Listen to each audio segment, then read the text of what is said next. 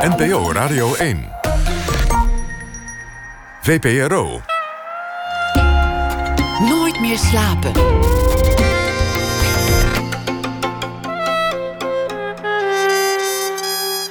Met Clary Polak. Goedenacht, welkom bij Nooit meer slapen. De documentaire Welkom op de Hemelse Aarde volgt een groep vrienden in Den Helder die op zichzelf is aangewezen. En zodoende in een heel eigen wereld leeft. Rond half twee hoort u een gesprek met de maker Judith de Leeuw. Vanuit Zuid-Afrika meldt dichter Alfred Schaffer zich met een verhaal... geïnspireerd door het nieuws van de voorbije dag. En komend uur zit tegenover mij, dus tot een uur of half twee... fotograaf Ilvi Niokiktien. Zeg ik het goed? Zeker weten. Ik zeg het goed. Ja, aanleiding is haar fotoserie over Syrische vluchtelingen. Die onder de titel Stuck Between a Rock and a Hard Place te zien is in het Humanity House in Den Haag. Maar er is heel veel meer om over te praten. Als je alleen al kijkt naar wat ze allemaal gedaan heeft: haar benoeming tot eerste fotograaf des Vaderlands, de talloze zilveren camera's en andere prijzen die ze won, dan zou je denken dat Ilvi een vrouw van middelbare leeftijd is met een lange carrière achter zich. Maar ze is pas 32. Geboren in Maarsen als dochter van een half Chinese vader en een Nederlandse moeder. Opgegroeid op een woonboot met twee zussen en één broer. Na de HAVO wist ze niet helemaal wat ze wilde studeren. Ze was pas 16 en daarom deed ze mee aan een uitwisseling naar de Verenigde Staten, South Dakota of all places. En daar kwam ze erachter wat ze worden wilde: fotojournalist. Leuk dat je er bent.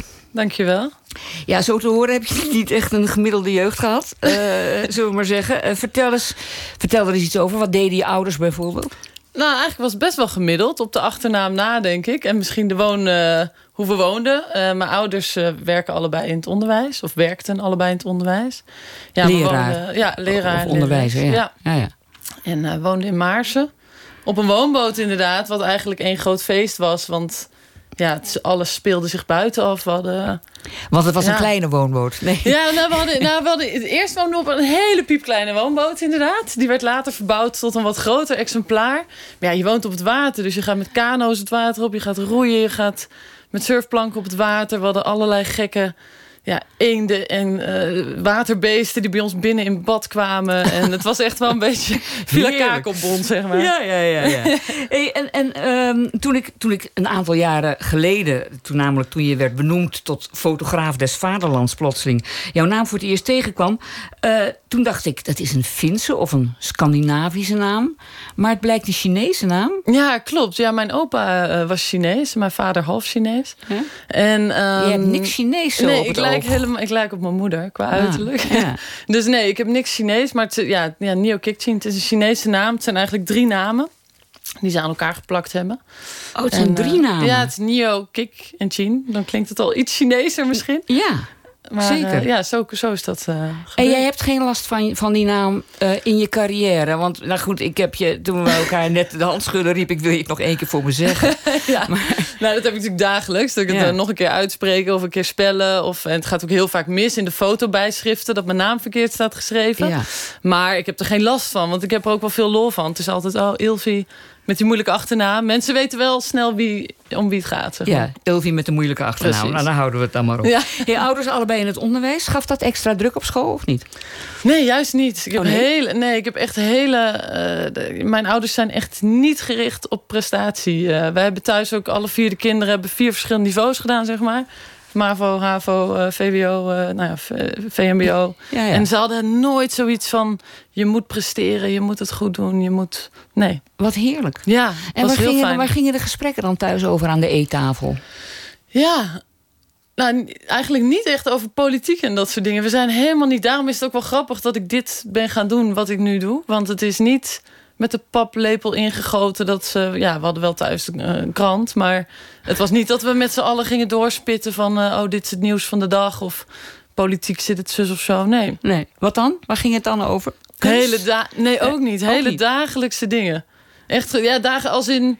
eh, ja, mijn ouders waren, dat is wel leuk aan het onderwijs. Zij waren dus thuis, als wij ook thuis kwamen uit school. En dan was het dus heel erg, hoe was het op school? Wat heb je gedaan? En eh, echt dagelijks. En niet diepzinnige gesprekken over, over politiek. Of eh, ook zelfs eigenlijk nu nog niet. Nee, het is heel... eh, Grappig. En wa- wat wilde jij worden toen je klein was? Eh, vracht, vrachtwagenchauffeur heb ik willen worden. Vrachtwagenchauffeur. Ja, ja, serieus. Ja. Moet ik dat hier zeggen? Ja, ik heb het al gezegd. Ja, Wat leuk. Ja, dat wilde maar ik heel waarom graag. wil- heb je enig idee waarom je dat wilde? ja ik hou dus heel erg van eh, autorijden. Dat is wel grappig, want ik rij nu ook heel ontzettend veel auto eh, in de auto... om naar, van fotoopdracht naar fotoopdracht te gaan. Ik werk veel voor NRC Handelsblad. Ik rijd het hele land door. En ehm, ja, voor mij heeft die reis... Ook, ja, ik werk veel in Zuid-Afrika, dus ik reis ook veel eh, met vliegtuigen de hele wereld over. En ik vind de reis altijd ergens nog mooier dan de bestemming of dan de reis. Dan het uiteindelijk eh, daar zijn, zeg maar. En we- vracht, ja, vrachtwagenchauffeur. Nou, Ja, dat- ja, maar dat is wel uiteindelijk eh, dacht ik nee, ik ga toch iets anders doen. Maar, maar ja, het heeft eh, reizen, ergens naartoe gaan met de auto. Ja, Ja, ik hou er gewoon Dat zat van. er al vroeg in. Nou ja, goed. Op je zestiende ben je naar de Verenigde Staten gegaan, notabene. Naar je HAVO, begreep Ja. ik. Om daar te wonen in South Dakota. Ja, land van de Sioux-Indianen, volgens mij. Wounded Knee, eh, ligt daarvoor. Ja, dat dat klopt ook, zeker ja. Missouri River. Beviel het je daar? In het begin vond ik het echt heel gek. Want ik, eh, het was een beetje voor de tijd eh, dat, van het internet. was nog niet zo heel... ik kon net een beetje e-mailen, zeg maar. Maar ik had niet foto's kunnen zien van waar ik zou belanden op het internet. Ik had eigenlijk niet zo goed een idee waar ik terecht kwam. En ik weet nog dat het vliegtuig aan het landen was. En dat ik dacht, waar zijn de mensen? Je zag alleen maar groen en koeien en heuvels. En ik dacht, moet ik hier een jaar gaan zitten? Ik nou, kon bijna niet geloven. Maar uiteindelijk was het fantastisch. En, eh, want het was een uitwisselingsprogramma van Ja. school. Je ging daar studeren of wat, je kwam nou op een high school? Ja, of- op een high school inderdaad. Ik had de HAVO hier afgerond en ik wist echt niet wat ik, eh, wat ik wilde. En toen ben ik daar nog een jaar high school gaan doen. Wat heel fijn was, omdat ja, hier heb ik dan wiskunde en al, al die vakken, biologie, economie. En ik ging daar alle vakken die je in Nederland niet hebt kiezen. Dus ik zat op koor op school. Hè? Dus de, iedere dag begon een uur zingen. Met een Jij uur kan zingen. zingen. Ik kan het niet, maar ik deed het wel. maar ja, ik had dus ook fotografie en journalistiek. En eh, nou ja, je kon eigenlijk allerlei vakken kiezen die, eh, ja, die meer richting, of in ieder geval mij meer een idee hebben gegeven over de richting waar ik heen wilde. Want zo kwam je erachter dat je Dat ik journalistiek heel leuk vind. journalistiek... le- En, maar hoe kwam je er dan achter? Ik bedoel, je bent 16, je krijgt een aantal van die vakken, maar Ja, dan ik, nog. ik had het vak fotografie gekozen. dus koor, fotografie en journalistiek. En bij journalistiek mochten we kranten maken.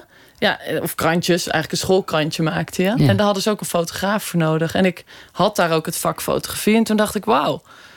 Ik ik vond het gewoon geweldig om met mensen te praten. Om, om, om echt een soort van te graven naar eh, verhalen. Al was het maar binnen de school. Ja, toen ben ik er op een gegeven moment foto's bij gaan maken. En toen dacht ik, ja, dit is leuk. Dit vind ik echt leuk. Dit kost me gewoon geen eh, energie. Dit geeft me energie. En toen wist ik wel dat ik goed zat. Vond je foto's maken leuker dan die verhalen maken?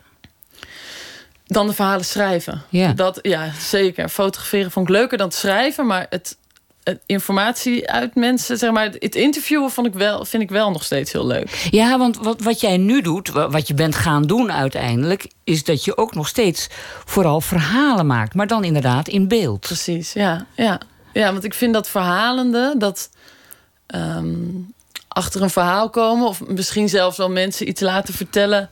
wat ze misschien niet zo graag willen eh, vertellen in eerste instantie... of waar ze schroom voor hebben om te vertellen... om dan toch zo'n verhaal eh, de, ja, of, eruit te krijgen... maar dan wel iets, het klinkt een beetje onethisch om het zo te zeggen... maar om tot de kern te komen zeg maar, van iets... en dat, dat te kunnen fotograferen, dat, vind ik, dat is wat ik er mooi aan vind.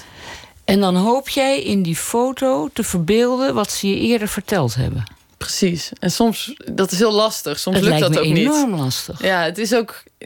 Het is. ehm, wat dat betreft een heel lastig medium. Omdat een goede foto wil je het liefst in een paar foto's een verhaal kunnen vertellen. En soms werkt dat gewoon niet. Ook omdat ehm, mensen best wel schroom hebben om op de foto te gaan. Ja. Het is met video denk ik iets anders. Dan loopt die camera en hebben mensen niet meer zo door misschien dat je filmt. Maar met foto's, ja, je hoort het kaart en klik. Dus Ja. mensen zijn heel erg bewust dat je er bent. Dus het kost heel veel, een enorme tijdsinvestering om het vertrouwen te winnen. En vervolgens een tijdsinvestering eh, waarin je mm, ervoor moet zorgen dat mensen eigenlijk niet meer doorhebben dat je er bent. Ja. Dus dat die klik niet meer opvalt, dat jij niet meer opvalt. Ja, dat kost heel veel tijd. Kost maar ik vind het heel tijd. leuk. Ja. 2008 was een belangrijk jaar, heb ik begrepen. Ik, ik moest zo lachen. Dat wa- was het jaar van je eerste prijzen. Klopt. Eh, ja. Dus dat was, dat was al heel lang. Dat, dat- daarom zei ik ook, je hebt zoveel prijzen al gewonnen. je bent pas 32. Maar goed, 2008 is dat begonnen. Klopt. Eh, eh, de Canon-prijs, dat is een onderdeel van de Zilveren Camera. Dat is voor jong talent, hè? ja, klopt. En, ja, eh, was destijds voor jong talent. ja, en dan de National Geographic Photography Contest. Ja, dat was ook wel, ja, dat was grappig. Ja. Toen, toen had ik een foto ingestuurd waarvan ik dacht, nou, we zullen het meemaken. was een foto van twee vrouwen die naar de markt lopen in Mozambique. En toen won ik de Nederlandse wedstrijd. En eh, nou, toen deden er volgens mij 200.000 inzendingen mee, ook wereldwijd. En toen won ik. Nou, ik vond dat echt. Kon ik, helemaal, ik had er helemaal niet in de gaten hoe groot dat toen was. En dat heeft me heel veel gebracht. Ja. Nee, moet, je voor, moet je voor zo'n contest zelf foto's insturen eigenlijk? Ja, ja, je dus hebt je hebt wel- dat wel gedaan. Ja, ja. Maar ik dacht echt, een to- tombola-idee, zeg maar. Ik Ja. gooi er iets in en misschien komt er iets uit, eh, maar misschien ook niet. Ja, het is meer een lot in de loterij kopen... Dat. en dan maar hopen dat daar de prijs op valt. absoluut. Ja, en dat zo voelde het. Maar uiteindelijk, ja, nu weet ik beter... doordat ik vaak ook jureer. Ik zit zelf vaak in juries. Oh ja. Nu weet ik dat het dus echt helemaal niet zo'n gok is. Het- het- ja, je gaat toch de be- het beste kon bovendrijven. Maar ik heb van 2008 tot ik denk 2012 gezegd... al die prijzen die ik in die jaren won, zei ik... oh, dat is toeval. Dat is toeval. Daar was ik echt van overtuigd. Dat ik iedere keer eruit werd gepikt door whatever. Mooi is dat, die nu- bescheidenheid. Ja, maar nu, ben, nu heb ik wel meer vertrouwen erin... dat ik ook echt wel goede foto's heb gemaakt. Maar destijds dacht ik de hele tijd van... Hoe is het mogelijk? hoe is Ja. het mogelijk Ja. dat? Ja. Maar er gebeurde nog iets in 2008. Je ontmoeting met Theo Maassen. Oh god. Ja, oh, dat is een ver verleden voor mij. Tenminste, in ja, heb ik ver weg. eh, Ja, ja, ja. maar rakel het nog, ik rakel het toch even Rakel op het even op. Ja, ja, maar ja, het was in de Melkweg. het was in de Melkweg. Ik ging hem eh, tijdens zijn show fotograferen voor Spits, wat inmiddels ter ziele is natuurlijk. Ja, En eh, ik had het opdracht. gratis ochtendblad. Het gratis ochtendblad in de trein. En eh, ik had opdracht vanuit hun of vanuit hen om foto's van hem te maken. En hij wist dat. Tenminste, zijn management wist dat, maar hij niet. Oh ja. Dus halverwege zijn show, of nou nog iets eerder, eh, zei hij: Wie zit daar de hele tijd foto's te maken? Nou, dat was ik. En toen pakte hij mijn camera op. En toen liep hij het podium op. En toen hield hij zo mijn net gewonnen camera bij de Canonprijs. Ik had dat ding net de twee weken daarvoor gewonnen. Hield hij zo in de lucht. En toen zei hij: Wie wil dat deze camera kapot gegooid wordt, moet nu gaan klappen. En heel veel mensen dachten dat het bij de show hoorde. Oh, je En die gingen klappen. En toen ging dat enorme dure ding recht voor mijn ogen tegen de grond. Ja, en ik schrok zo, want ik had hem nog niet verzekerd. En het was Maar echt wat is het een ongelofelijke boer, zeg, dat hij dat doet. Ja, dat is het ook. Ja, terwijl ik hem wel heel grappig vind, hoor. Ik moet zeggen, ik vind hem wel een... Hij is wel een van mijn favoriete cabaretiers. Nog steeds. Nog steeds, eigenlijk. Ja, nog steeds. Is niet... Heeft hij zijn excuses aangeboden? Nou, dat vond ik dus heel kinderachtig. Eerst de hele tijd niet. En toen uiteindelijk eh, heeft eh, belde Giel Belem volgens mij op. Met, eh, had, die had mij aan de lijn. En toen belde hem live op. En toen, be- ja, toen bood hij zijn excuses live op de radio aan. Maar daarvoor had ik nog niks... Nee. Van Hij had wel meteen nationale bekendheid daardoor, nou, dat schoot daarna wel op, ja, ja. Ik stond in één keer in alle kranten. En ik moet zeggen, daardoor heb ik heel veel opdrachters, opdrachtgevers gekregen. Oh, echt? Ja, het, ja. was echt, het was echt goed voor je opdrachten. absoluut goed voor mijn opdrachten, ja. Ja, bizar hoe dat is gegaan. Oh, dan moet, hij, dan moet je misschien nog een keer eh, foto's van hem Nou, ik heb hem wel Eh, heel lief nog een kerstkaart gestuurd met een bedankje. Maanden later, omdat ik dacht, goh, ik heb hier wel heel veel aan gehad eigenlijk Oh, ja. uiteindelijk. En daar heb je niks meer op gehoord? Nee, toen was hij Ah, denk ik zelf boos. jammer. Ach, jeetje. Eh, in 2013 werd jij benoemd tot fotograaf des Vaderlands. Als, als eerste. Ja, Wist je wat je overkwam? Want het bestond nog niet. nee, eigenlijk niet. Ik was ervoor gevraagd. Ja. En het eerste wat ik zei toen ze me belden eh, was... ehm, ja, moet je daar niet een oeuvre voor hebben? Des ja, want Vaderlands. dichter des Vaderlands. Dat waren natuurlijk allemaal mensen met oeuvres. Precies. Hadden we al een denker des Vaderlands. We hebben Ja. tegenwoordig alles is Dus tegenwoordig nu, des is vanaf, Vaderlands. nu is in één keer Ja. alles des vaders. Toen was er een denker en een dichter. En ehm, ja, ik, ik, dat was het eerste wat ik zei. Van, moet je daar niet eh, A, iets ouder voor zijn... en B, een oeuvre voor hebben. En, ehm, maar toen zeiden ze... nee, we willen eigenlijk gewoon iemand... die ambassadeur van de fotografie kan zijn een jaar. En die laat zien hoe leuk fotografie kan zijn... ook aan een breder publiek. En toen dacht ik, nou... dat vind ik eigenlijk wel eh, belangrijk en leuk om te doen. Maar ik had toen ook niet overzien... hoeveel aandacht dat zou geven... en hoeveel... Ja, wat een gekke huis dat zou worden eigenlijk. Nee, maar je Ja. bent verjaardagen gaan Kijk, een dichter des vaderlands die wordt gevraagd om gedichten te schrijven als er een bepaalde gebeurtenis is. Of, en dan daarbij een gedicht te schrijven. Iets, iets wat het vaderland bezighoudt. Klopt. Maar dat was bij de fotograaf des vaderlands dus niet. Nee, ik had wel. eh, ik, het was het jaar van de kroning eh, van eh, koning Willem-Alexander. En het was wel zo dat ik dat toen speciaal voor NRC echt die hele dag in beeld gebracht heb als fotograaf des vaderlands. Oh ja. Dat kwam dan meer toevallig zo samen. Maar ze hadden mij de opdracht gegeven om Nederland in beeld te brengen. Op mijn manier. En dat mocht op allerlei manieren, maar het moest wel het thema familie hebben. En toen dacht ik, ja, wanneer zie je nou je familie? Ja, ik zie mijn familie gelukkig heel vaak, maar ja, op begrafenissen en verjaardagen zie je ze echt eh, vaak. En toen dacht ik, begrafenis is niet zo vrolijk en verjaardagen wel. En toen dacht ik, weet je, ik ga verjaardagen fotograferen. En toen heb ik ergens een keer geroepen, ik doe de 100 van leeftijd 1 tot en met 100. En toen ben ik, ja, toen was ik anderhalf jaar later pas klaar. En toen heb ik anderhalf jaar lang ook geen vrij weekend gehad. Want ik zat ieder weekend Dat op een moest weekend, verjaardagsfeestje. Ja. iedereen viert dat op zaterdag of op eh, zondag. Of, ja. En je eet nooit meer gebak? Nee, nee, dank je. Nee.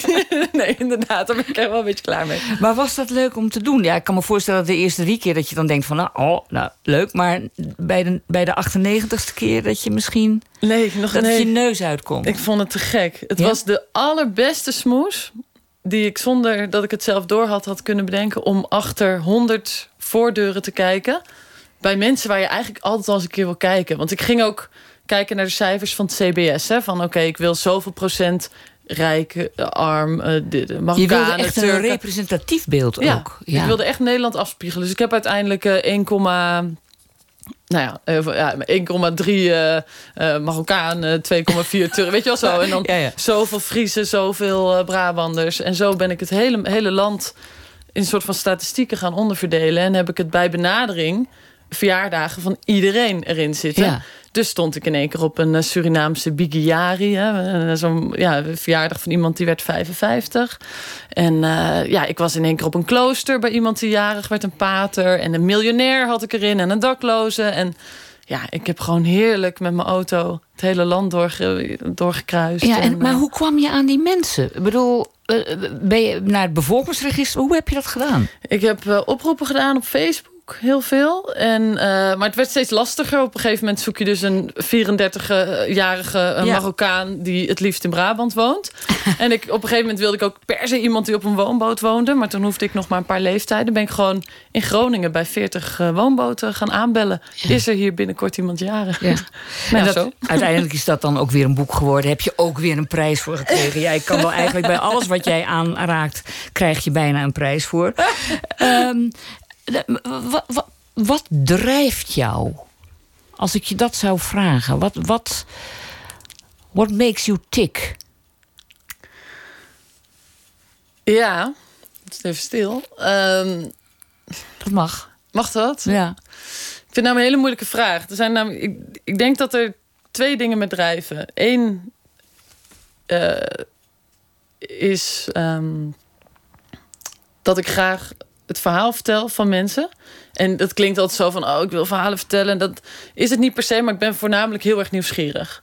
Daar komt het neer. Dus Ja. ik ben nieuwsgierig naar iemands verhaal. En dan wil ik dat heel graag in beeld brengen en delen met, met anderen. Dat is een beetje de, de, de, de basis waarop mijn werk bestaat.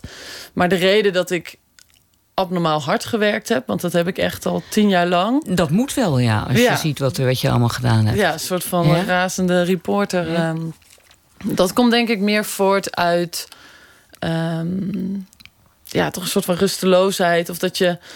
eh, ik, ik heb heel erg het idee van als ik het niet zo heel erg ha- hard of snel... of snel achter elkaar doe of al die projecten opstapel... eh, dat ik het dan niet red. Dat ik het dan niet bij de beste eh, beland... en dan nergens meer mijn verhalen kan vertellen. Dus dat ja, wat makes me tick is... aan de ene kant wil ik heel graag verhalen vertellen... en aan de andere kant is de angst dat ik ze niet verteld krijg... zorgt ervoor dat ik dus heel hard werk om het ja, Ja. te doen. Of zo. Zit, er, zit er ook een soort van eh, ideaal, idealisme achter? Want als ik kijk naar de projecten... Nou goed, de aanleiding dat we dit nu doen is bijvoorbeeld... dat je naar een vluchtelingenkamp bent geweest in Griekenland... eh, om, om, te kijken, om, daar, om daar Syrische vluchtelingen in beeld te brengen, bijvoorbeeld. Zit daar een soort van idealisme achter... of is dat gewoon maar een opdracht? Nee, het is... Ik ben niet een activistische. Zo heb ik mezelf nooit gezien. Ik heb schooljournalistiek gedaan. En daar heb ik altijd heel erg geleerd objectief zijn. En, en ja, voor hoever, in hoeverre dat bestaat. Maar ik ben niet zo iemand die echt zelf op de barricade uh, gaat schreeuwen voor aandacht voor bepaalde onderwerpen, zeg maar. Of, of mhm. heel erg een kant kiezen. Maar ik, ik vind wel belangrijk, uh, en zeker in het geval van, van die Syrische vluchtelingen, um, dat dat verhaal verteld blijft worden. Want je merkt nu dus heel erg. Ik was toevallig vanmiddag nog in een, uh, in een asielzoekerskamp in, uh, in Zeist. En je merkt dat mensen, uh, als ik dan nou ja, bij vrienden of bij familie zei dat ik dat ging doen. Oh ja, ga je nou alweer? terwijl ik heb zoiets, ja, hallo, dat verhaal is nog lang niet uitverteld. Ja, nu zijn er heel veel vluchtelingen in, in Europa en, en in Nederland. Het lijkt alsof de media er opeens veel minder aandacht voor heeft. Maar dat wil niet zeggen dat ze er niet zijn. Ik was vanmiddag nog op een plek uh, waar, nou, ik denk een paar honderd mensen wonen in een oude gevangenis. Ja. Nou, lijkt mij niet helemaal Waar was de, dat? bedoeling. In Zeist. In Zeist. Ja. Maar dat, dat, dat is dan nog dus wat... dat, ja. Dus ja? Dat, dat, wil ik dan wel inderdaad, dat wil ik echt vertellen. Om, om, om ervoor te zorgen dat zoiets in ieder geval niet uh, als een soort van wegdrijft. Dat zo'n verhaal uh, niet verteld wordt. Nou ja, of... dat lijkt me nog behoorlijk idealistisch toch, als ik, als ik eerlijk ben. Ja, ergens vind ik dat zo'n naar woord of zo. Waarom is dat een naar woord? Vind je dat een dromerig? Of ja, wat, wat, dat wat, is het denk wat? ik. Ja, zo onhaalbaar. Zo van, oh, dit is zo'n meisje die dan verhalen wil vertellen... en dan zo heel idealistisch hoopt dat de wereld er beter van wordt. Zo wil ik dan ook weer niet. Daar geloof ik dan weer niet zo in of zo. Ik geloof niet dat ik met mijn foto's de wereld beter kan maken. Of dat, uh, dat mensen na het zien van mijn foto's in één keer denken van... wauw, uh, nee, dat geloof ik niet. En dat geloof ik nou weer niet. Want je wil wel degelijk een verhaal vertellen met je foto's. Ja, maar geloof ik wel dat het bij mensen persoonlijk iets kan veranderen misschien. Maar ik, nou, ik denk niet dat ik opga voor de world peace, zeg maar. dat, snap je? Ja, daar zit een soort van verschil tussen. Bij het woord idealisme heb ik het idee dat je dan echt iets echt iets moet veranderen. Of dat je echt denkt iets te kunnen veranderen. En dat vraag ik me wel af. In het geval van de, de, die Syrische vluchtelingen in Griekenland... was het ook een opdracht hè, voor uh, Oxfam no, Novib. Ja. Uh, was dat vanmiddag dat je naar dat asielzoekerscentrum ging in Zeist ook een opdracht? Ja, dat was een opdracht voor het Rode Kruis. Maar dat is wel iets wat ik echt uit eigen naam doe... in, in, in, in samenwerking met het Rode Kruis. Zijn we met een project uh, Wat is het bezig. verschil?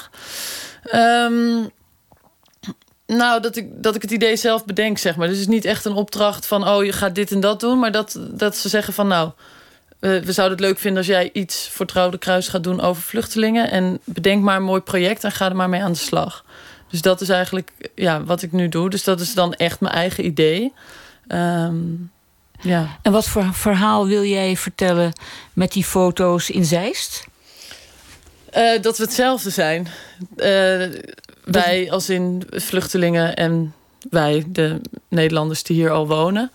Uh, ik ben een soort van duo-portretten aan het maken. Ik weet eigenlijk helemaal niet of ik dit mag vertellen. Nou ja, um, maar duo, wel. ja, tuurlijk wel. Duo-portretten aan het maken van pubers die uh, in Nederland zijn komen wonen in de afgelopen uh, tijd.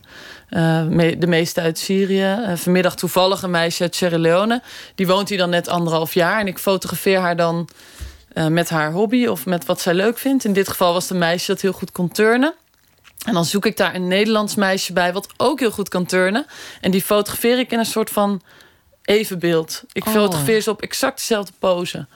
Om te laten zien, ja, we zien er anders uit. Maar we zijn hetzelfde. En het grappige is, als je die foto's naast elkaar ziet... is dat je heel vaak ook niet weet wie de vluchteling is... en wie de, uh, ja, het Nederlands kindje is. En dat noem jij niet idealistisch? Liever niet. maar als jij het heel graag idealisme wil noemen, Nou ja. mag dat ook. Nou ja, het heeft wel degelijk. Er zit een idee achter. En dat is een, dat is een idee met een bepaalde boodschap. Dat, dat, dat is zeker. Ja, Dat kun je toch nauwelijks ontkennen, zou ik oké. zeggen. Oké, Ehm, dat Ja? klopt. Ja. Goed, Ja. nou weet je wat? We, we gaan eh, verder praten na het nieuws van 1 uur. Onder meer dus over die foto's die je maakte tijdens bezoek aan het vluchtelingenkamp eh, in Griekenland. En die nu te zien zijn in het Humanity House Museum in Den Haag. En we gaan het waarschijnlijk ook nog even hebben over Zuid-Afrika. En over al die andere dingen die je ook nog hebt gedaan. Kortom, er is nog veel te bespreken. Na het nieuws van 1 uur.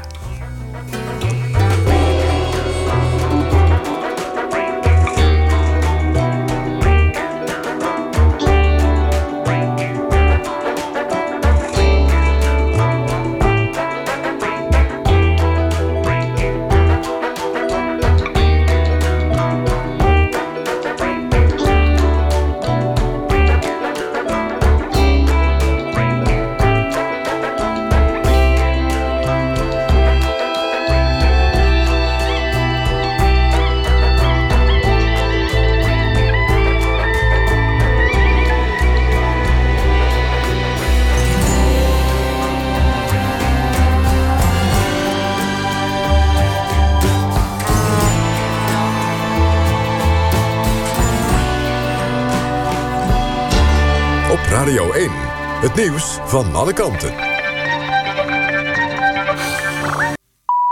Het is 1 uur, dit is Dorald Megens met het NOS-journaal. Taxidienst Uber ontduikt controles en boetes... door een groot bestand bij te houden met gegevens over controleurs en politiemensen. De New York Times schrijft dat chauffeurs van Uber... dankzij die gegevens op het laatste moment ritten kunnen afzeggen. Oud-werknemers van Uber bevestigen de praktijk tegenover de krant. De dienst zou via sociale media, locatiebepaling en betalingsinformatie proberen om mogelijke controleurs te herkennen en zo te vermijden. De techniek wordt greyballing genoemd, naar de grijze bollen waarin camera's zitten om onopvallend beelden te maken van de omgeving. De krant schrijft dat de techniek is gebruikt in steden in de VS, Frankrijk, Italië, Australië, China en Zuid-Korea. Het kabinet wil niet dat de Turkse regering volgende week zaterdag in Nederland campagne komt voeren om stemmen te winnen voor een nieuwe grondwet. Minister Cavusoglu van Buitenlandse Zaken zou dan naar Rotterdam willen komen... om Turkse Nederlanders aan te sporen ja te zeggen tegen de aangepaste grondwet. Volgens premier Rutte is de Nederlandse publieke ruimte niet de plek... voor politieke campagnes van andere landen. Turkije houdt op 16 april het referendum over de nieuwe grondwet... die president Erdogan meer macht geeft. De voormalig president van Haiti, René Preval, is overleden. Het land werd jarenlang geleid door dictators. Preval was sinds lange tijd de eerste democratisch gekozen leider van Haiti. Hij was de enige president die twee ambtsperiodes volmaakte. Voorgangers van hem belanden in de gevangenis, werden verbannen of vermoord. Preval trad in 2011 af. Hij was 74 jaar. In de Eredivisie is één wedstrijd gespeeld. Heerenveen speelde thuis tegen Go Ahead. kwam niet verder dan 2-2. De Friesen stonden met 2-1 voor. Maar de kogel maakte namens Go Ahead één minuut voor tijd gelijk. Het weer droog, wel overwegend bewolkt. Vannacht minima tussen 4 en 9 graden. Overdag in het westen en zuidwesten regen. In het oosten en noordoosten droog met af en toe zon. Wordt het ongeveer 14 graden. Zondag wisselvallig met iets lagere temperaturen. Dit was het NOS Journaal. NPO Radio 1. VPRO. Nooit meer slapen.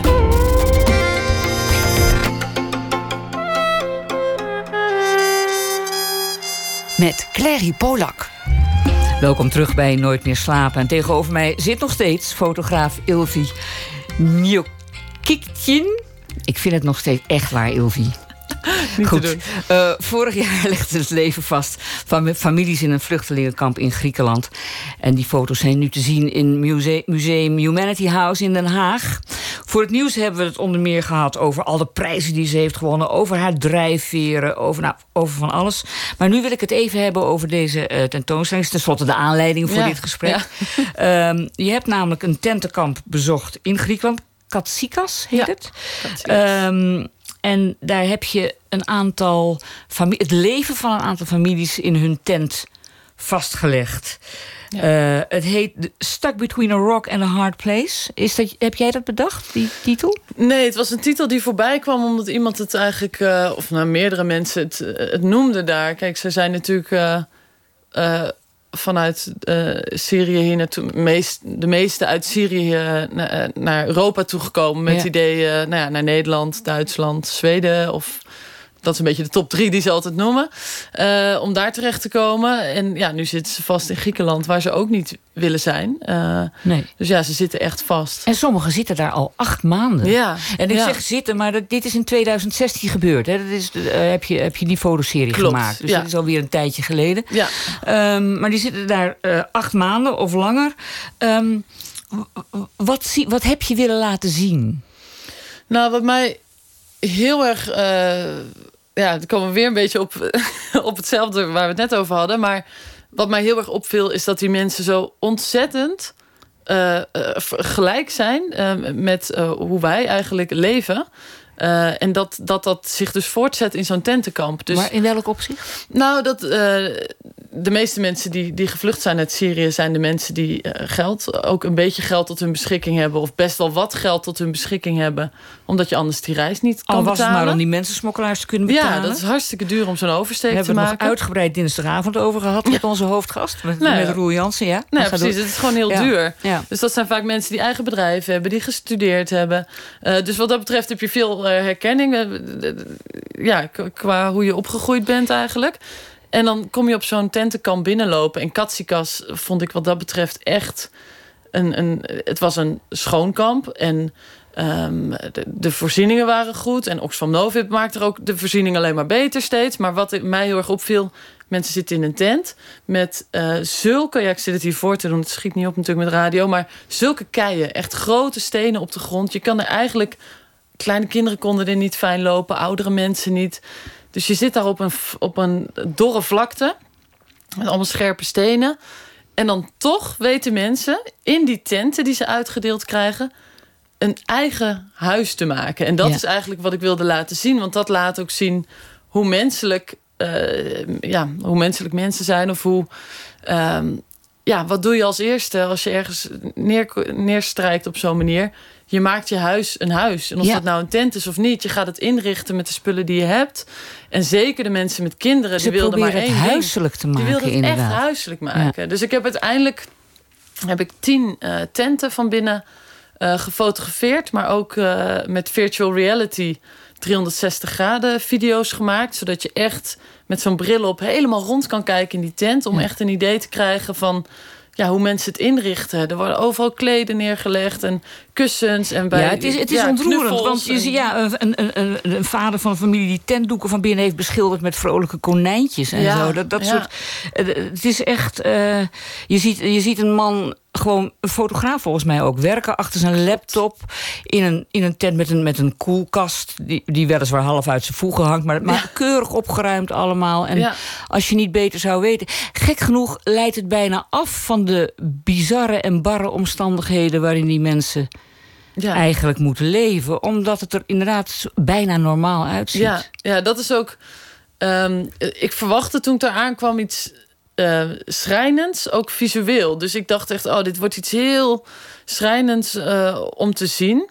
En op die manier is het ook eh, iets makkelijker natuurlijk om vast te leggen hoe schrijnend iets is. Maar ik kwam daar en eh, nou, er werden bijvoorbeeld ook feestjes gegeven. Kijk, het leven gaat gewoon door. Alleen wonen die mensen op dit moment in een tent. Dus ik heb ook een verlovingsfeest eh, in dat kamp gefotografeerd. En dat was een stelletje, die hadden elkaar daar ontmoet. Ja. Hoe romantisch Een is dat? Syrisch meisje dat verliefd wordt op een Griekse jongen. Ja, oh nee, Ja. die hebben we ook nog Oh, inderdaad. hebben Ja, ook het zijn oh ja. twee verschillende. Er is Ja, ook nog een Grieks meisje die helemaal verliefd werd. Oh, of eh, sorry, nee, een Syrisch meisje die verliefd werd op een Griek. Oh ja. ja. En dat zijn echt van die dingen dat je denkt... het leven gaat door, maar het staat stil. Want ze kunnen... Ja, zij is dan wel hartstikke verliefd geworden op die Griek... maar nu zit ze toch mooi met een probleem. Want Ja. haar familie woont al deels in Nederland... en het andere deel zit met haar in Griekenland... en die willen natuurlijk ook door naar Nederland... om de familie te herenigen. Ja, en die Griek heeft zoiets... nou, ik weet, die weet nog niet helemaal of hij wel mee wil Nee, naar. Nederland. Ja. Dus ja, want dat is, dat is ook nog die- Deze mensen zijn onderweg naar Nederland eigenlijk. Ja, de meeste naar Duitsland, Nederland of Ja, Zweden... omdat ja. ze daar eigenlijk de beste verhalen over horen. ja. En, ze- maar ze blijven in dat tentenkamp omdat ze maar niet toegelaten worden. Ze mogen niet door. Nee, de grens is echt dicht. En eh, eh, ze zitten gewoon echt vast. Ehm, Stuck en- en- her, ja. ja, stak between Ja, rock and a hard place. En het Ja. erge is dat ehm, eh, ja, ze, komen, ze kwamen daar aan met het idee... we zitten hier drie dagen in een tent en daarna gaan we door. Ja. Nou, drie dagen werd drie weken, werd drie maanden. Werd, weet je, zo, ze tellen er iedere keer maar weer een week bij op. En eh, ja, ondertussen worden de kinderen geboren. Worden er, eh, de school is, eh, er is een school geopend. Het wordt steeds ja, een soort van vastere woonplek. En er zijn nu inmiddels mensen, gelukkig, die dus alweer uit de tent zijn verhuisd. Ze proberen ja, zoveel mogelijk mensen uit de tenten te krijgen... en in hotels en in gebouwen. Omdat het gewoon, zeker met de winter Ja. eh, die nu is... is het in zo'n tent niet te doen. Hoe, hoe loop jij daar rond? Ik bedoel, als ik op kont- eh, laat ik het zo zeggen, als ik op vakantie ben, vind ik het al moeite, moeilijk om mensen te fotograferen die normaal in hun eigen omgeving daar rondlopen. En dat ik denk van, oh, eh, exotisch of leuk of een beeld dat me opvalt. Dat vind ik al moeilijk. Jij komt daar binnen in een toch vrij ellendige situatie bij die mensen die daar eh, niet zitten omdat ze daar willen zitten. En jij gaat foto's maken. Ja. Hoe is dat? ja, ik vind dat nog steeds niet heel fijn. Nee, ik doe dit nu eh, volgens mij zo'n tien jaar. Of ja, elf jaar. En ehm, ik voel altijd nog een soort van schroom. Waardoor ik zelf dus ook heel lang wacht met fotograferen. Ik loop vaak echt uren rond.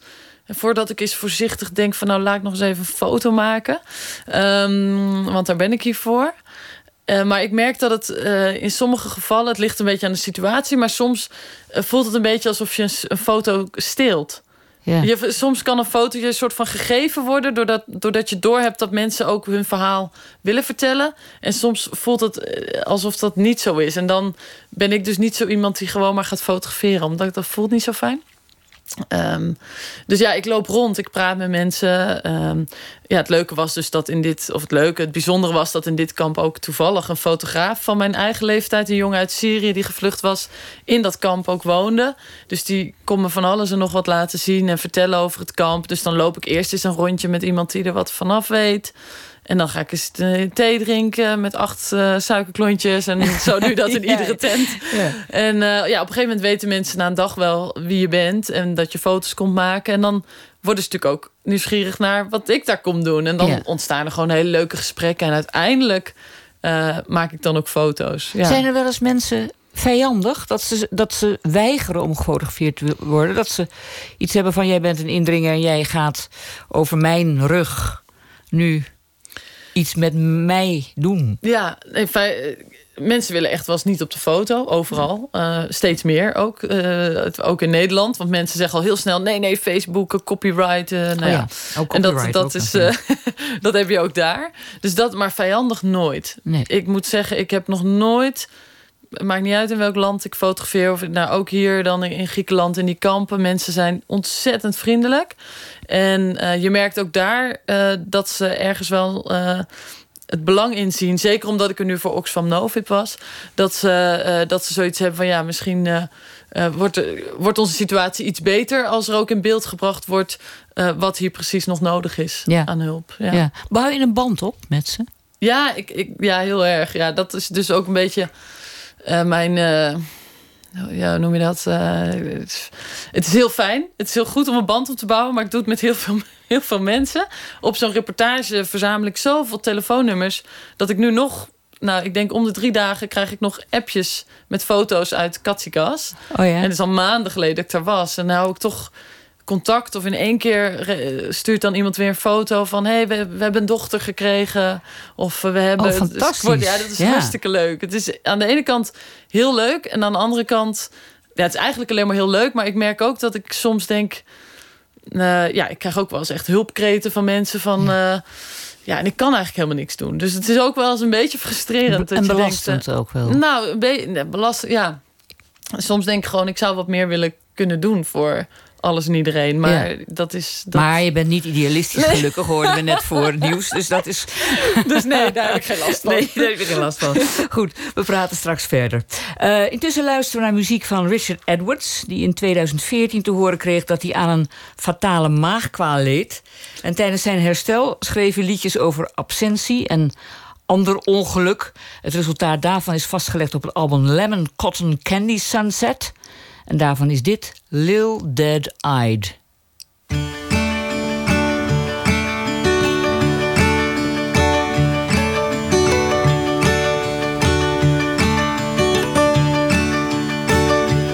I got bored in California, bored with the sun that always shines. I got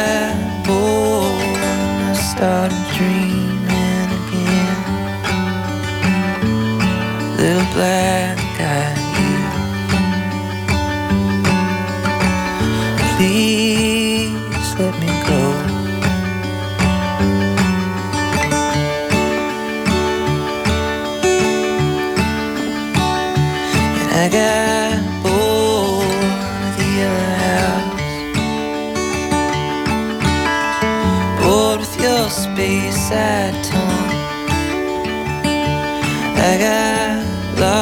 sea, but you got goddamn me. Little beach bum. Who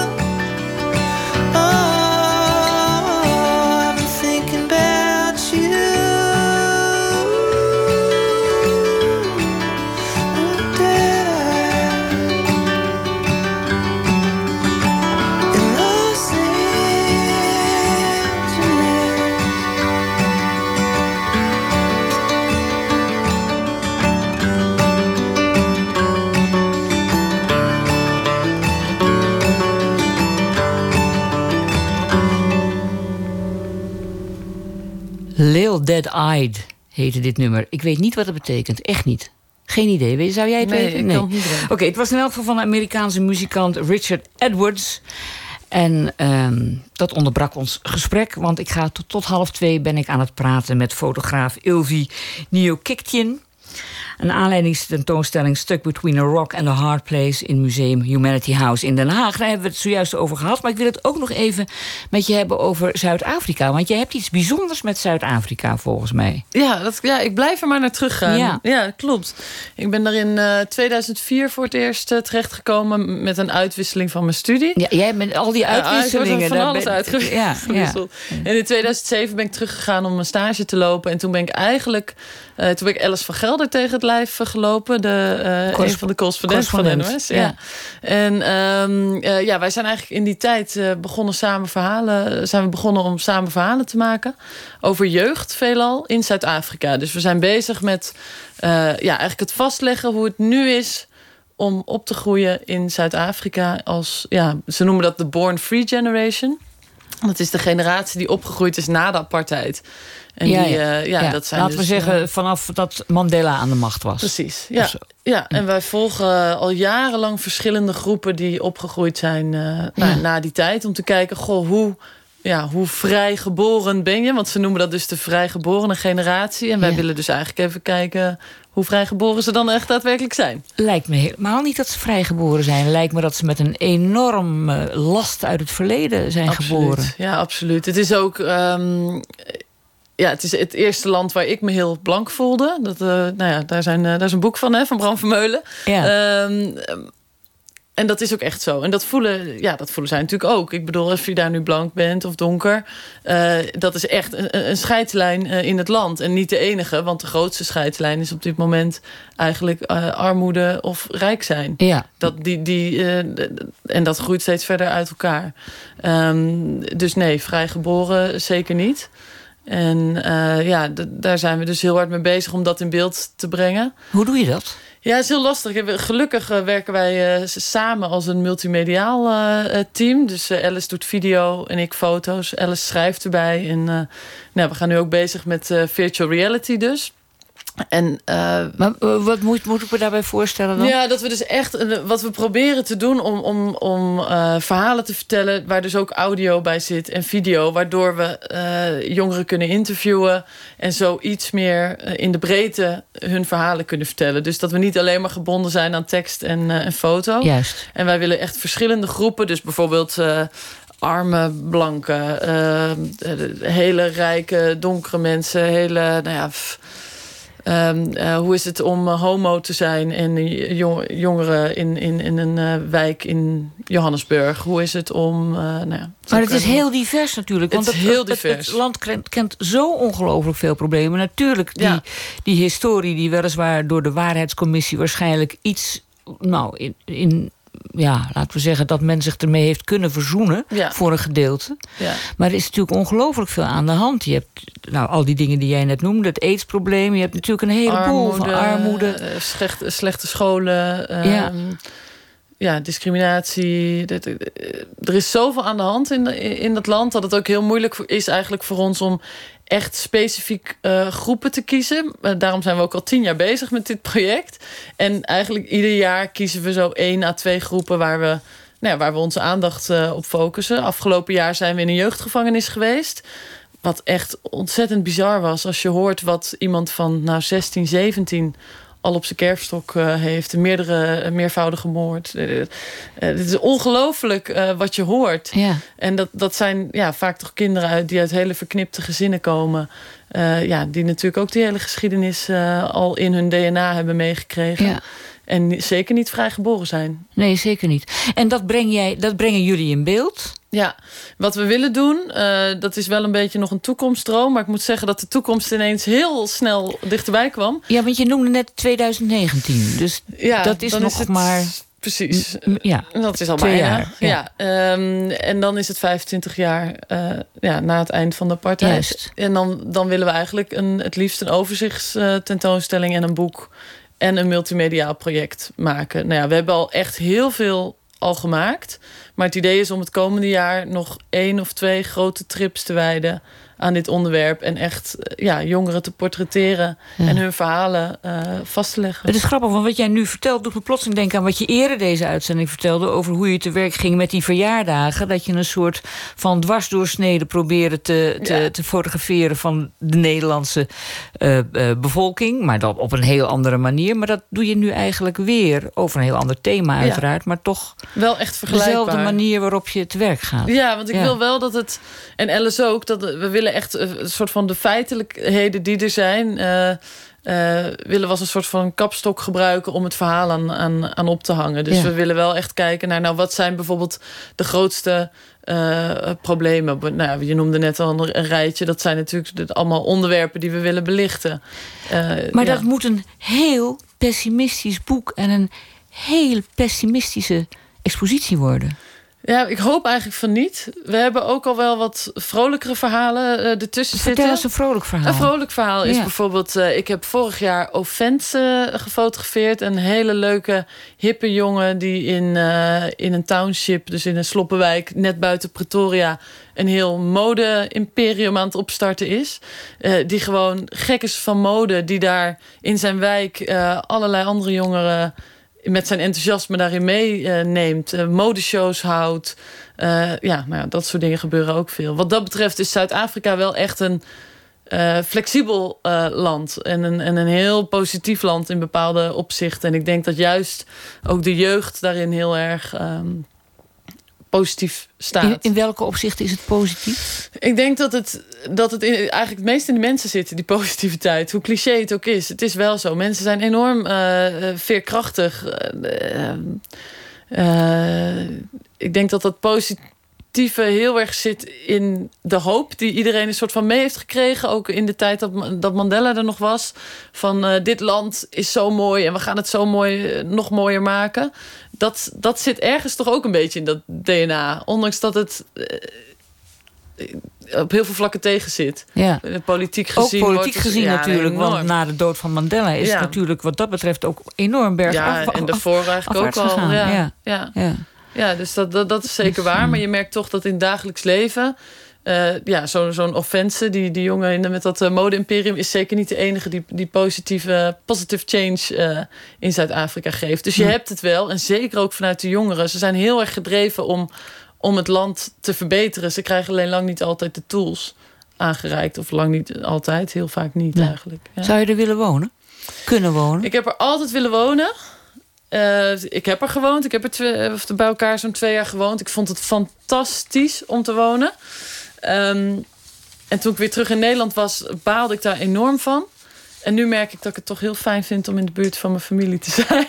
Cliché ook een beetje, maar ik ben heel blij dat ik in Nederland woon eigenlijk. Ja. Ja. Nou ja, in elk geval is het maar ontzettend goed dat je geen vrachtwagenchauffeur bent geworden, wat je aanvankelijk wilde. Want eh, dat, dan, dan was je dit allemaal nooit overkomen, Nee, natuurlijk. waarschijnlijk niet. Nee. Dus dat, dat gaan we niet meer doen. Nee, dat gaan we niet meer doen. En wat is je eerstvolgende project op korte termijn? Nou, ik denk eigenlijk eh, met Alice, dus met Alice van Gelder, dit Zuid-Afrika-project. Dat, is- ik heb nu niks langlopends lopen. Ik krijg heel veel losse opdrachten. Ik eh, werd toevallig vanmiddag gebeld door eh, Oxfam weer eh, of ik eh, naar Nigeria kan volgende week. Nou, Maar of dat doorgaat, is nog niet zeker. Maar ja, zo. Ik krijg meestal, eh, weet ik, s ochtends eh, niet echt per se wat ik die dag ga doen. Ik word echt last minute gebeld. Dus ik, ja, ik ben eh, nu veel met de verkiezingen ook bezig. Geert Wilders, uh, dat soort dingen. Ja, je vertelt dat je vanochtend om vijf uur op heb, bent gestaan... om uh, Geert Wilders in Volendam te, te fotograferen. Nee, ik moest alle foto's bewerken. Want oh, nee, dat al, was ja, het, ja, ik heb ja. ongeveer twee weken heb ik de verrechtsing en het populisme in Nederland in beeld gebracht. Voor Stern, Duits magazine. Ja, die zijn enorm geïnteresseerd, Duitsland, hè, in wat er Absoluut. nu gebeurt op het gebied van... Ja. Ja, misschien nog wel meer populisme geïnteresseerd en, uh, en dan en zo. Ja, ja. ja, ja. Dus daar, daar ben ik heel druk mee geweest. En uh, ja, al die beelden zitten bewerken de afgelopen dagen. Jeetje. Weinig slaap gehad, nooit meer slapen. Nooit meer slapen. Nou, dan mag je nu zo langzamerhand naar huis en naar bed. En wil ik je heel hartelijk bedanken voor dit gesprek. En mocht u een indruk willen krijgen van het werk van Ilvi... dan kunt u inderdaad terecht uh, bij, in het Humanity House in Den Haag... om te kijken naar die tentoonstelling over de Syrische vluchtelingen... die in een kamp zitten in Griekenland. En die, wie weet, ooit nog in Nederland of in Duitsland of waar dan ook terecht zullen komen. Ik hoop het. Dank voor je komst. Dank je wel. En wij gaan door met muziek van eigen bodem. Uit Amsterdam is Daisy Ducro afkomstig. Een zangeres met een echte country snik in haar stem. En dat is ook hoorbaar op haar nieuwe single In Too Deep.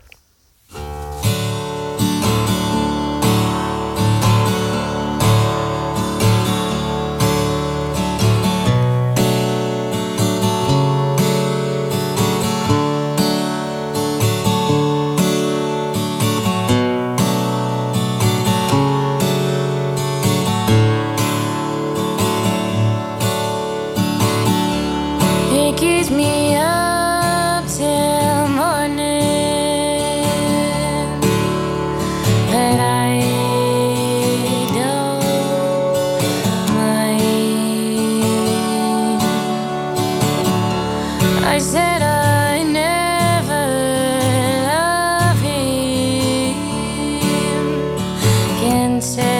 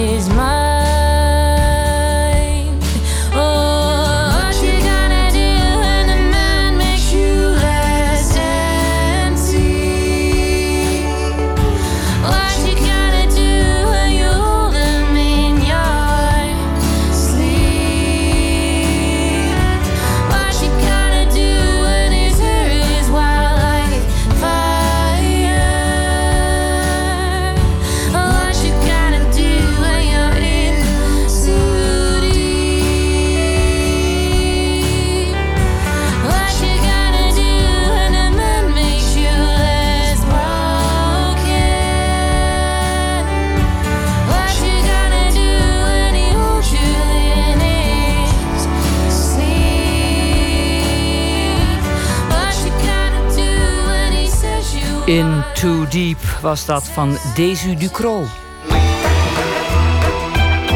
Nooit meer slapen.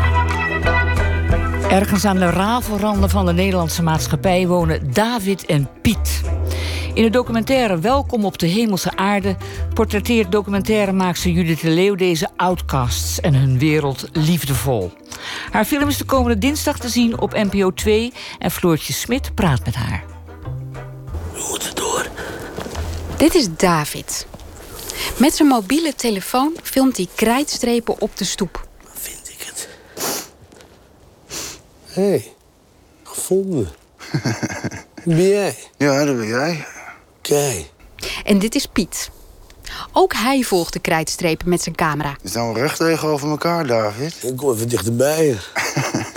We staan recht, we staan regelrecht tegenover elkaar. Ja, Nou. je zit net boven de maan daar zo. Oké. Dus je zit op de goede punt hier. Dit is het centrum van de storm. Zo begint Welkom op de Hemelse Aarde. Een documentaire van Judith de Leeuw. Iemand zei tegen mij van de film gaat over alles en niks. En daar was ik heel blij mee.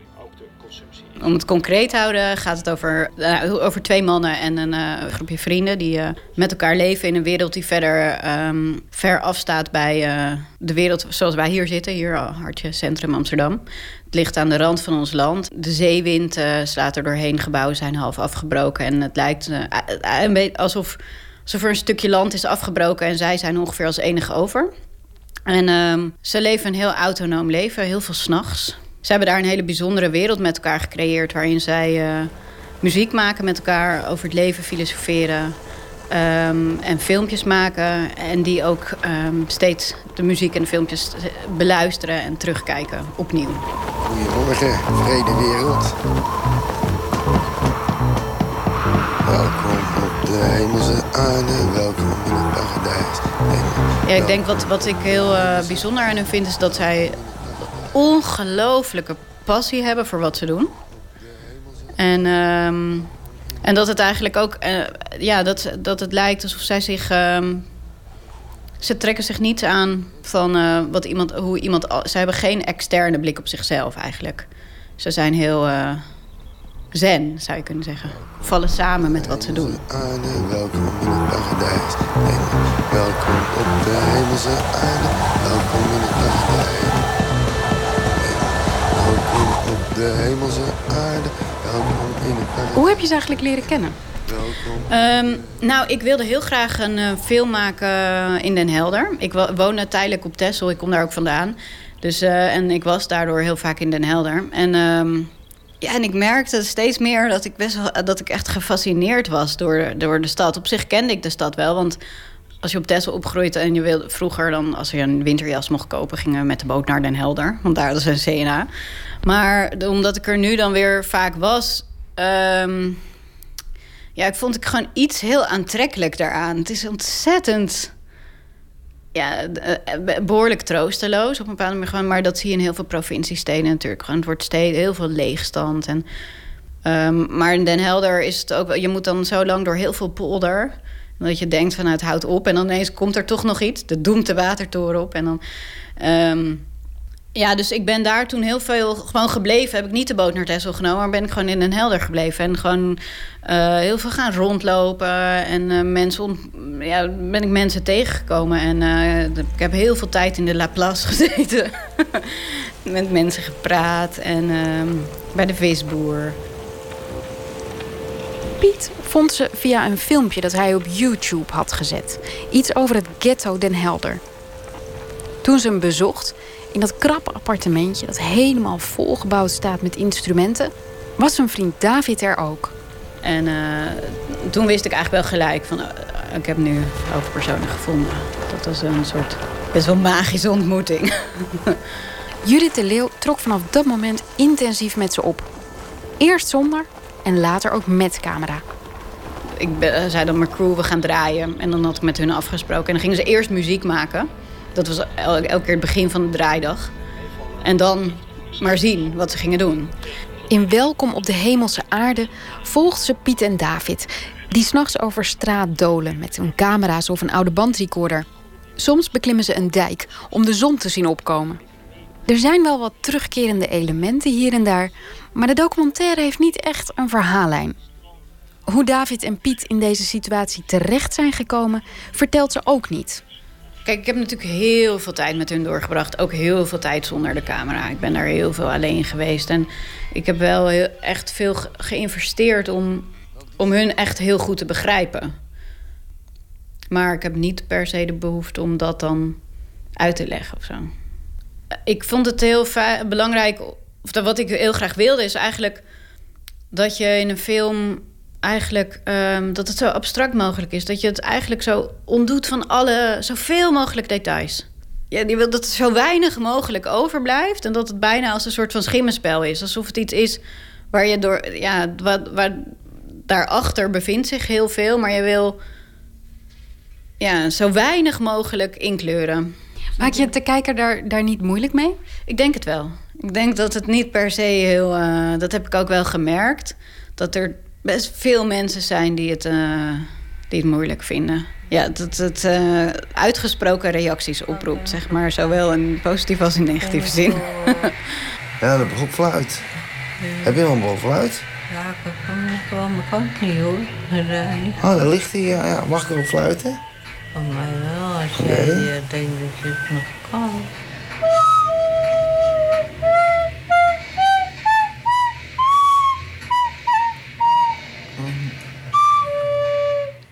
Persoonlijk denk ik waarom ik zo door hen gefascineerd ben, is dat zij niet. ehm, ja, zij zijn niet geïndoctrineerd door een soort van groeimodel. en ehm, eh, ik heb wel eens het idee dat ik, zeg maar, ja, bijna ondanks mezelf tot een consument verworden ben. Of eh, ge- opgevoed ben tot consument eigenlijk, door de wereld om me heen. En dat alles wat ik doe erop gericht is dat er een soort beeld van een, van een gelukkig, eh, gelukkig en gelukzalig leven. Terwijl ik helemaal niet per se. Ik heb het dan niet over winkelen of zo. Hè? Niet over wat je koopt en niet per se over.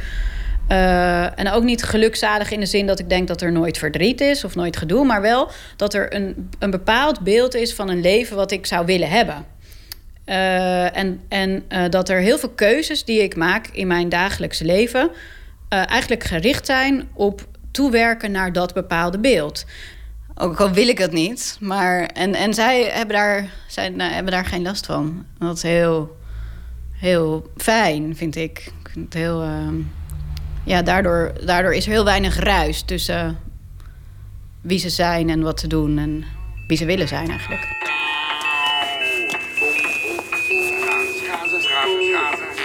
Oh ja, de ijs. Het is winter en het nummerspel dan, Piet. Ja, goed hè? Jezus, hoe doe je dat? En, maar voor, voor, ja, dat is misschien ook wel waar, waar sommige mensen echt. eh, wat- ja, wat gewoon moeilijk is. Dat, dat, dat perspectiefloos is voor ons vaak heel beangstigend. Omdat wij, ja, wij willen, we zijn gewend aan een groeimodel. Gaat altijd vooruit. en dat, eh, dat is daar niet. Blijft hetzelfde inderdaad. Ja, ze maken wel eh, nieuwe films en andere films. En, er is een nieuw instrument. Maar dat is dan voldoende perspectief voor hun. Ja, erbij. Schaatsen, schaatsen, schaatsen. Weet je nog? Missen ze je nu? Ja, zeker. Eh, nou, ik zie ze nog heel veel. Dus, maar het is natuurlijk wel, ja, het is wel ingewikkeld. Ehm, er verandert natuurlijk wel iets. Er is wel, denk ik, een hele ja, bijzondere relatie tussen de regisseur en het onderwerp, waar de camera natuurlijk toch wel, die, dat is wel een essentiële partner of zo daarin. En op het moment dat, de dat, er dan, dat die uitstaat, dan is, verandert er natuurlijk wel iets. Maar nu Ehm, maar omdat ik nu ook nog een andere film daar maak, dan ga ik wel steeds bij hun langs of bellen. Ik zie ze nog wel veel. Ik vind het grappig, want het, ik snap dat je als documentairemaker in die wereld gaat zitten en dat je je daar ook helemaal in onderdompelt. Het is tegelijkertijd ook een wereld waar ik zelf niet langer in zou willen vertoeven dan, ehm, dan, noodzakelijk. Je bent toch echt een heel ander type, Judith. Ja, dat weet ik niet zo goed of dat echt zo is. Kijk, wat zij, die, zij hebben zo'n zo soort van naar zichzelf refererende wereld. Eh, en dat, ik vind dat gewoon, dat is heel erg leuk. Maar eh, voor mij zegt het ook eh, iets over. Wij hebben dat natuurlijk eigenlijk ook. Er is niet zo heel veel verschil tussen wat zij doen en wat wij doen. Wij zitten hier ook te praten over iets wat wel zo. En, ehm, maar, maar, maar bij hen is het, vinden mensen het snel best wel raar. Of zo. Ik, ik ook. Hoezo ga je met lichtstaven en eh, in de nacht door een bos lopen? Of, ehm, en elke dag om zes uur opstaan om een foto te maken van de zon.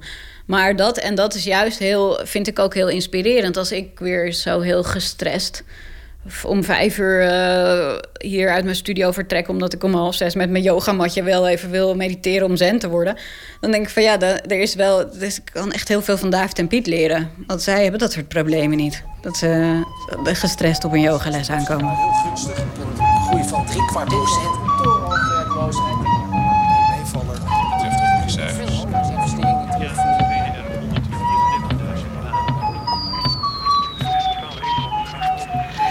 Judith de Leeuws documentaire Welkom op de Hemelse Aarde is dinsdagavond te zien op NPO 2. Het was een bijdrage van Floortje Smit. De Vlaming Stef Camille Carlens is de oude bassist van Deus en de man achter Moondog Junior en Zita Swoon. Zijn nieuwe single gaat over het vertrouwen in politici dat keer op keer beschaamd wordt. Dit is The Journey Will Be Long.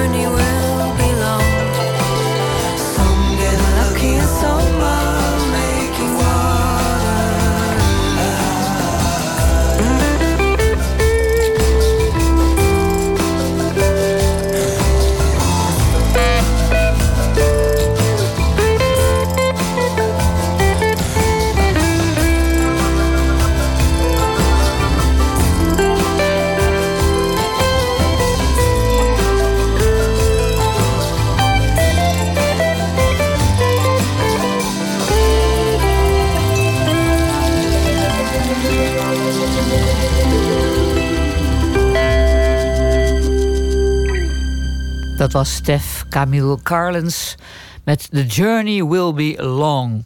En volgende week verschijnt zijn nieuwe plaat Stuck in the Status Quo.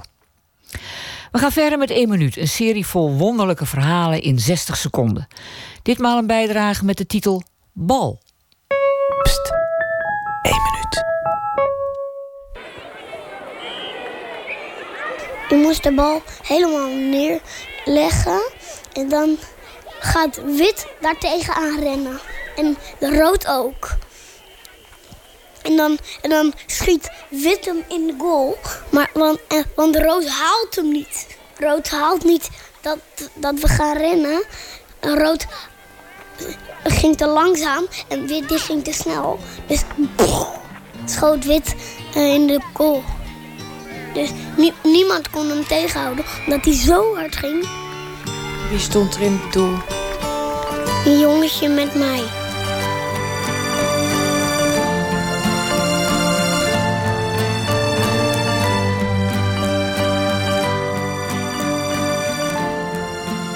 U hoorde 1 minuut gemaakt door Marije Schuurman-Hes.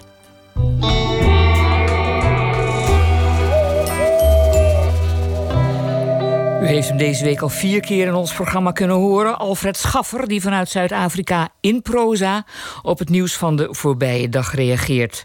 Goedenacht, Alfred. Hallo, goedenacht Kerry. Ging het makkelijk vandaag of heb je geworsteld? Nee, ik heb niet zo geworsteld. Het, eh, ehm, er, er viel wel wat te schrijven vandaag. Er kwamen veel dingen voorbij. Maar al eh, vroeg in de ochtend zag ik iets op eh, de Volkskrant staan dat, dat mij wel trok. Omdat het een bericht is dat, eh, dat ook in, eh, in, in- een beetje in Zuid-Afrika geldt. En het gaat over eh, hoe trek je ehm, nou bepaalde dingen in de samenleving gelijk naar de afspiegeling van die samenleving.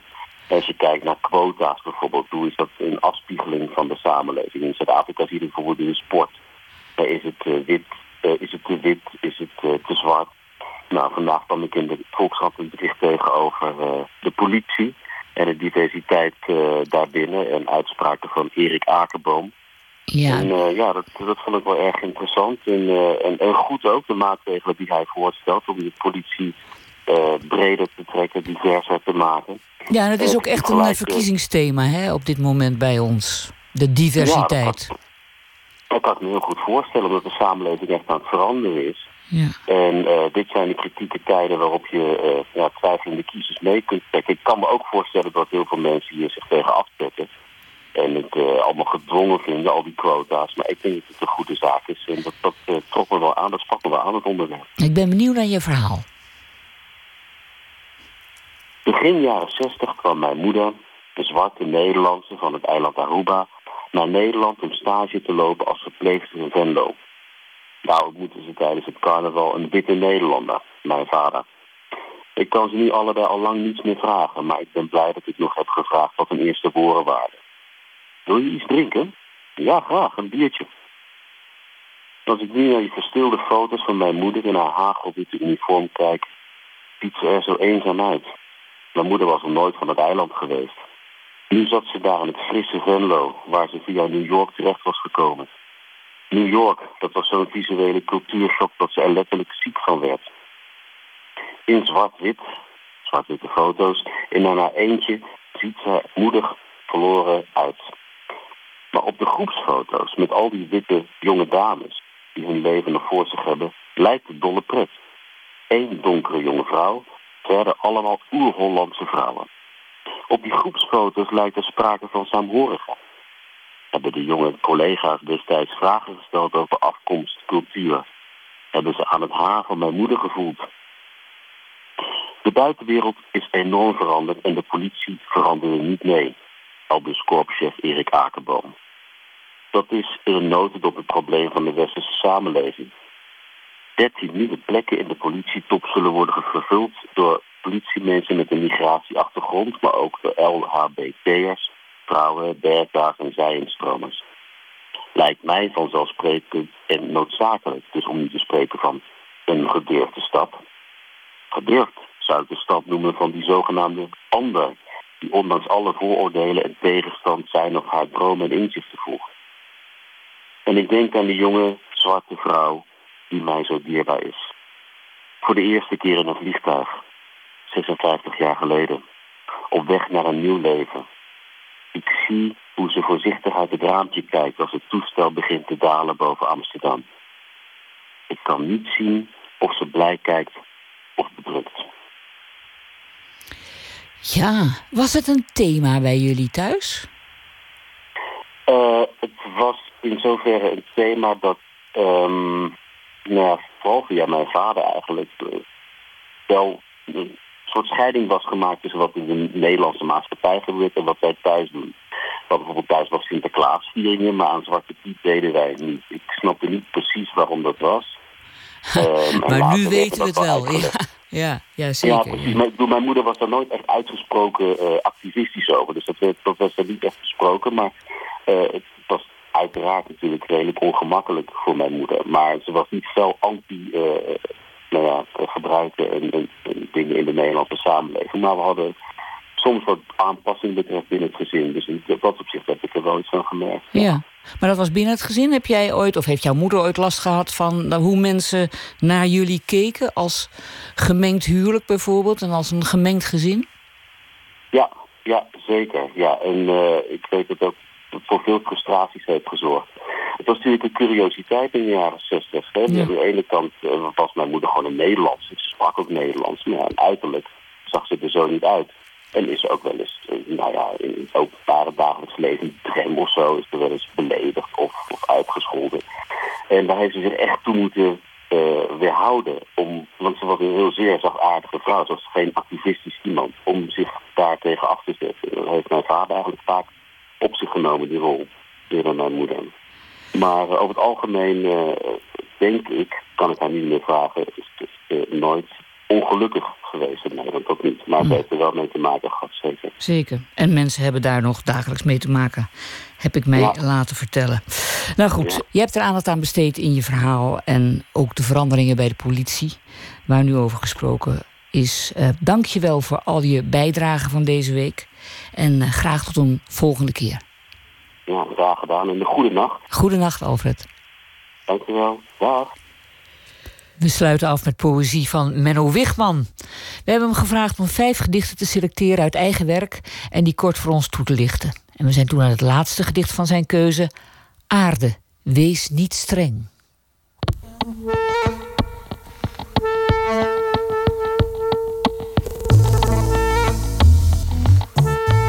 Aarde, wees niet streng. Aarde, hier komt een eerzaam lichaam aan waarin een koninklijke zon is opgegaan.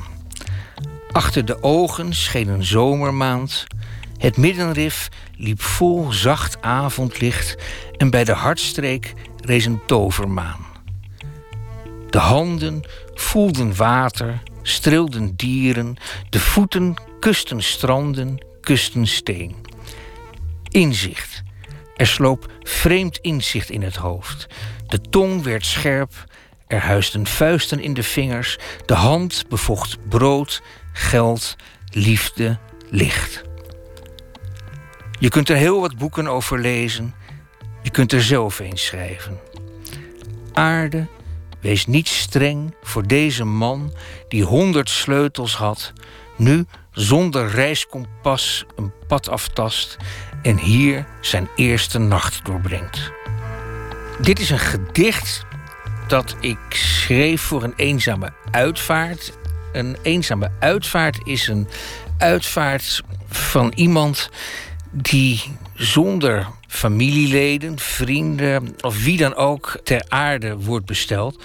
En in dat geval wordt er een dichter gevraagd om speciaal voor deze uh, overledene een gedicht te schrijven. waarmee hij of zij dan tijdens de uitvaart wordt toegedekt.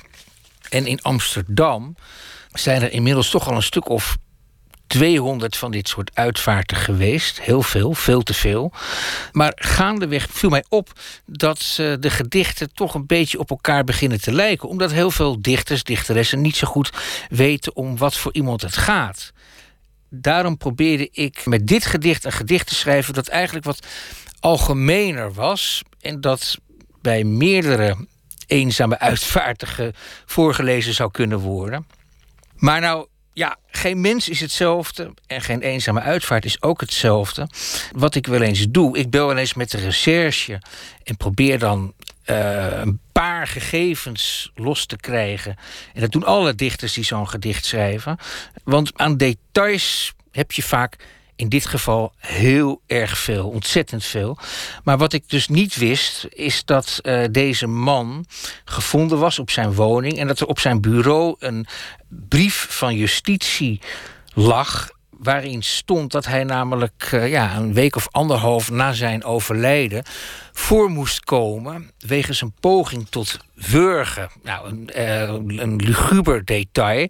Maar misschien was het ook maar beter dat ik het niet wist, want anders was toch mijn, uh, ja, mijn waardering of mijn hè, respect voor deze overledene, wie weet, iets kleiner geweest. Nou goed, in ieder geval is dit wel, denk ik, want niet alle uh, eenzame uitvaartgedichten die ik schrijf, neem ik later op in een bundel. Maar dit is toch wel een gedicht waar ik zelf erg uh, tevreden mee ben. En uh, ja, het lijkt mij verschrikkelijk om op deze manier te eindigen. Aarde, wees niet streng. Aarde, hier komt een eerzaam lichaam aan waarin een koninklijke zon is opgegaan. Achter de ogen scheen een zomermaand. Het middenrif liep vol zacht avondlicht en bij de hartstreek rees een tovermaan. De handen voelden water, streelden dieren, de voeten kusten stranden, kusten steen. Inzicht, er sloop vreemd inzicht in het hoofd. De tong werd scherp, er huisden vuisten in de vingers, de hand bevocht brood, geld, liefde, licht. Je kunt er heel wat boeken over lezen, je kunt er zelf eens schrijven aarde, wees niet streng voor deze man die honderd sleutels had, nu zonder reiskompas een pad aftast en hier zijn eerste nacht doorbrengt. Aarde, wees niet streng door Menno Wigman. Het gedicht is terug te vinden in zijn laatste bundel Slordig met geluk. Ik vertel u nog iets over maandag. Dan ontvangt uh, Pieter van der Wielen theaterregisseur David Pieters. Uh, in de nieuwe voorstelling The Unpleasant Surprise onderzoekt Pieters hoe we omgaan met het geweld waarmee we dagelijks in de media worden geconfronteerd. Dat is onder meer maandag. En straks kunt u luisteren naar Joop Radio. Ik wens u een goede nacht.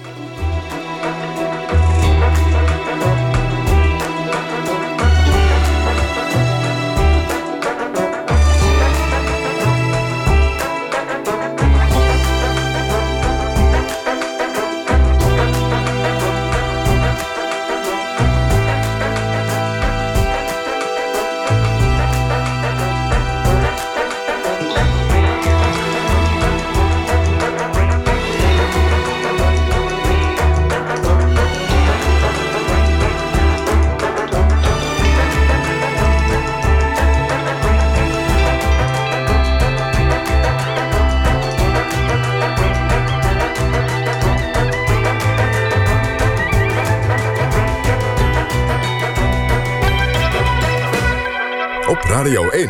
Het nieuws van alle kanten.